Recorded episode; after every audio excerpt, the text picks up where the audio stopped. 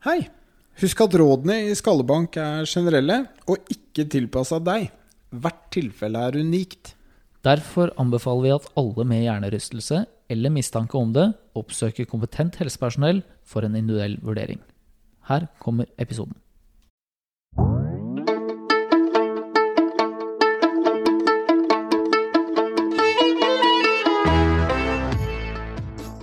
Hei, og velkommen til Skallebank, podkasten om hjernerystelse. Mitt navn det er Lars Martin Fischer.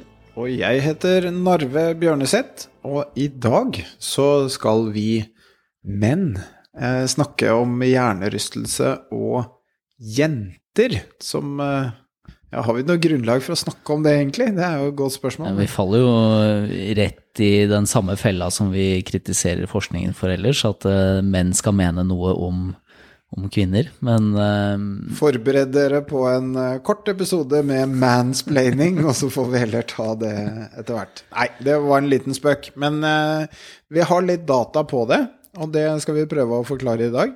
Ja, og så er det viktig også å få fram det at forskningen, det har vi vært inne på før, at forskningen er jo veldig sånn skjevfordelt. Der forskes mer på menn. Eh, vi vet ikke nok om eh, hvordan hjernerystelsen utvikler seg annerledes hos, eh, hos kvinner. F.eks. denne nevrametabolske kaskaden som opptrer akutt. Det har vi forsket på stort sett menn. Ja. Så, så, og, og, vi vet jo også at kvinnens hjerne den skiller seg på mer enn 100 forskjellige punkter, uten at jeg kan uh, dra opp alle de av uh, hatten. Men uh, sånn at det, det, er biologiske forskjeller. Sånn at det er også forskjeller på hvordan man restituerer og hvilke risikofaktorer som er. Det, det er ikke altfor far-fetched å tenke at det kan være sånn. Nei. Den korte oppsummeringen er at det er ikke bare forskjeller på det vi ser utenpå, men det er forskjeller inni nøtta òg. Ja, et eksempel på det er jo at uh, disse på nervecellene våre, altså disse utløperne som kalles aksoner, som går liksom for å kommunisere med andre nerveceller, hos kvinner så er de tynnere og mer fleksible. Så ja, dere er mer fleksible enn oss, uh, oss gutta, jenter. Ja. Men vi vet ikke, er det eh, en, en, risikofaktor, eller kanskje det er en beskyttende faktor? Vi vet faktisk ikke, men det er en, en forskjell. Ja. Så hva sier forskningen, da? Jo, altså den sier jo at uh, Igjen så har vi jo mye på idrett, da. At uh, i idretter som uh, fotball, ishockey, hvor reglene og, og, utstyret er det samme, så er forekomsten høyere hos kvinner. Så det, det, vet vi. Og så fant jo du fram et studie her fra i fjor, hvor de også så det at uh, ja, Det er et studie som kom for et år siden, der de uh, gjorde noe genialt. De uh, sammenlignet idrettene, og så sammenlignet de kjønnene. Sånn at det var at man kunne hente mest mulig data ut ifra en stor kohort, som det heter. Altså en stor gruppe med med mennesker som da fikk eh, hjernerystelse. Og da fant de ut en del eh, interessante ting. Det er en studie fra universitetet i Pennsylvania som eh, tok for seg 1071 hjernerystelser mellom 2014 og 2017. Det det er veldig mange hjernerystelser. Ja. I idrettene, det var amerikansk fotball, det var lacrosse, det var eh, vanlig fotball og tennis, tror jeg. Altså det, de, de, tok med alle idretter ved universitetet, virker det som. Ja, og der så de vel også det at uh, jentene de skada seg hyppigere på trening enn uh, en det gutta gjorde. Ja. Og det er jo litt sånn stikk i strid med det, det vi har eh, lest tidligere, at uh, skaderisikoen alltid er høyere på, i matchsituasjonen. Ja, og så så de det at tiden det tok for å bli frisk, den var litt lenger hos de som var på eh, lavere nivåer, enn de som var på det høyeste nivået. De har delt inn det her i tre divisjoner på universitetene i, USA, tydeligvis. Men det gjelder begge kjønn, da? Det gjelder uh, jenter. Ja. Mm. Så de topptrente jentene, de brukte kortere tid på å bli friske. Og her sånn så ligger det et lite problem òg, for uh, mye av den kunnskapen som er ute nå og danner liksom praksis for, uh, for hvordan vi håndterer hjernerystelser, går jo liksom på at du skal være de fleste er symptomfrie etter 10-14 dager.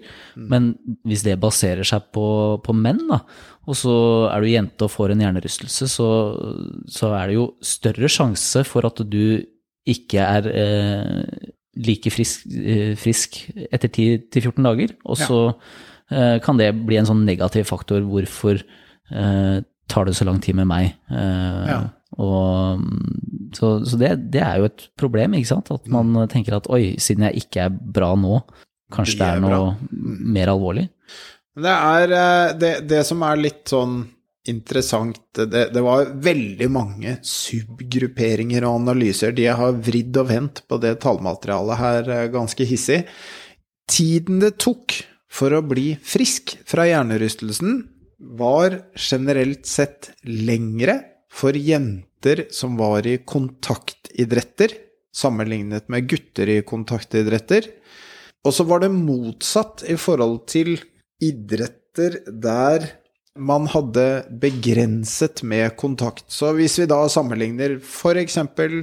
Eh, amerikansk fotball, som er en kontaktidrett, med tennis, så ville da den hjernerystede damen i amerikansk fotball brukt litt lengre tid på å bli frisk eh, i forhold til menn, mens i tennis så var det motsatt. Ja, så der blir damene Der brukte gutta litt lengre tid. Ja. Vi vet ikke helt hva det betyr, da, men uh... Nei, og så er det jo viktig å si at dette her er én studie, ikke sant? Mm. Så, um, så vi, vi, trenger mer kunnskap for å si noe mer bastant. Ja.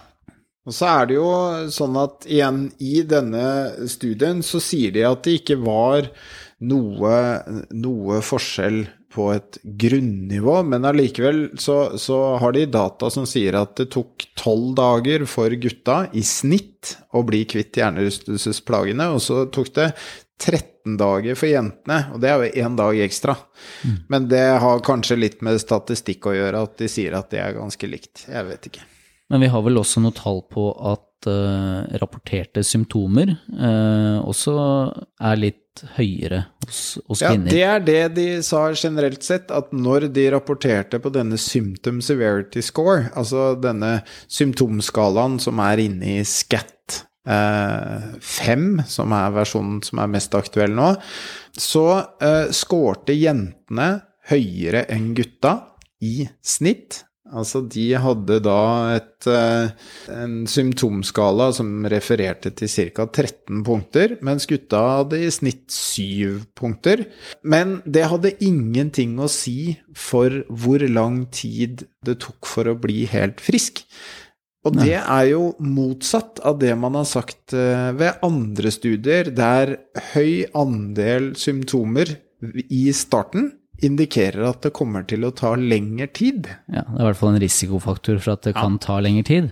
Og, og, det her er jo også ting vi har sett i andre studier tidligere, at, eh, at kvinner har et høyere symptomnivå. Og vi vet jo ikke helt uh, hva som ligger bak det. Uh, er det disse forskjellene i, hjernen? Er det at skaden er mer omfattende i en kvinnehjerne enn en uh, mannshjerne? Er det at uh, kvinner er flinkere til å rapportere, eller at menn er dårlige til å rapportere? Eller er det også noe med, med, terskelen for å oppsøke hjelp? Er det sosiale konstruksjoner her som, uh, som spiller inn også? Vi, vi, vet for lite om det. Det er viktig å si det at vi, vi, vi, vet ikke hva, hva, som ligger bak disse, disse tallene, men, men, det som kanskje er viktigst å få frem, er jo at vi kan forvente at jenter tar litt lengre tid. Ja. Um, sånn at uh, Men ikke mye lengre tid, det er jo det den studien her ja. kanskje indikerer, da. Ja. Og heldigvis så ser vi også at uh, ting begynner å skje på forskningsfronten. Uh, at man også har etter hvert fått med seg at jenter driver med idrett, og jenter slår hodet i like stor grad som gutta. Mm. Um, så her kommer det nok mer. Det er jo Forfatterne av denne studien eh, poengterer jo nettopp det vi sa i stad, at eh, dette med risiko for lengre tid hvis du har høy symptombyrde, det, det ser jo ikke ut til å stemme i denne studien, som er ganske stor og omfattende. Så, så det at en noen klager over at de føler seg dårlig til å begynne med, er kanskje ikke en så stor risikofaktor som vi har trodd tidligere. Så der må jo forskningen igjen komme frem. Og så ser vi det òg at hos trente universitetsutøvere så er tiden lik i stor grad mellom kjønnene. Så med en gang man oppdager hjernerystelsen, så, så, tar det ikke nødvendigvis lengre tid å bli frisk, selv om du har en jentehjerne. Men man spekulerer i at det er noe med de indre faktorene som gjør at symptombyrden er større til å begynne med, da. at det føles mm. verre for jentene. Ja. Men det vet vi egentlig ikke, ikke, nok om per nå. De har ikke skrevet noen ting om når i syklus dette inntraff, så det har vi ikke noe data på. For det er jo en, en stor forskjell på mann og dame, at hormonsyklusen den fluktuerer veldig hos damene i forhold til eggløsning og menstruasjon og alt sånt, mens mm. hos gutta så er er testosteronproduksjonen er, den fluktuerer litt i løpet av dagen, men er stort sett ganske jevn. Og det i idretten generelt, så, så, begynner man nå å snu seg en del på om det har noe å si for skaderisiko. Ja, eh, skaderisiko generelt. Ja. ja. Men eh, her, i forhold til hjernerystelse, så har vi da Det har de ikke sett på, så det vet vi ikke i denne studien.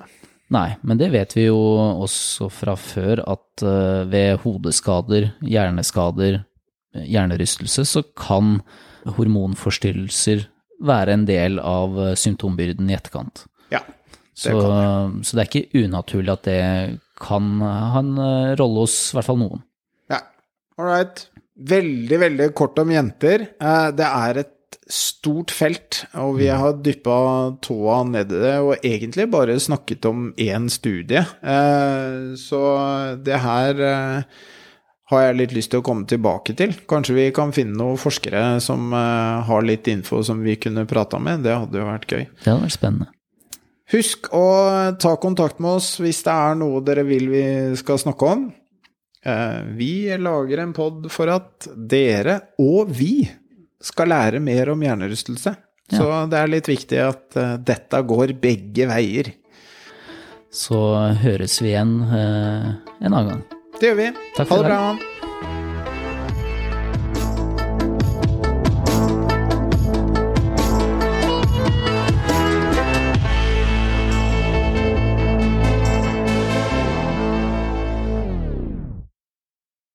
Hei. Lars Martin fra Skallebank her. Har du ris, ros, tilbakemeldinger, spørsmål, send oss gjerne en mail på skallebankpod at gmail.com. Du finner oss også på sosiale medier, Skallebank hjernerystelse, på Facebook og Instagram.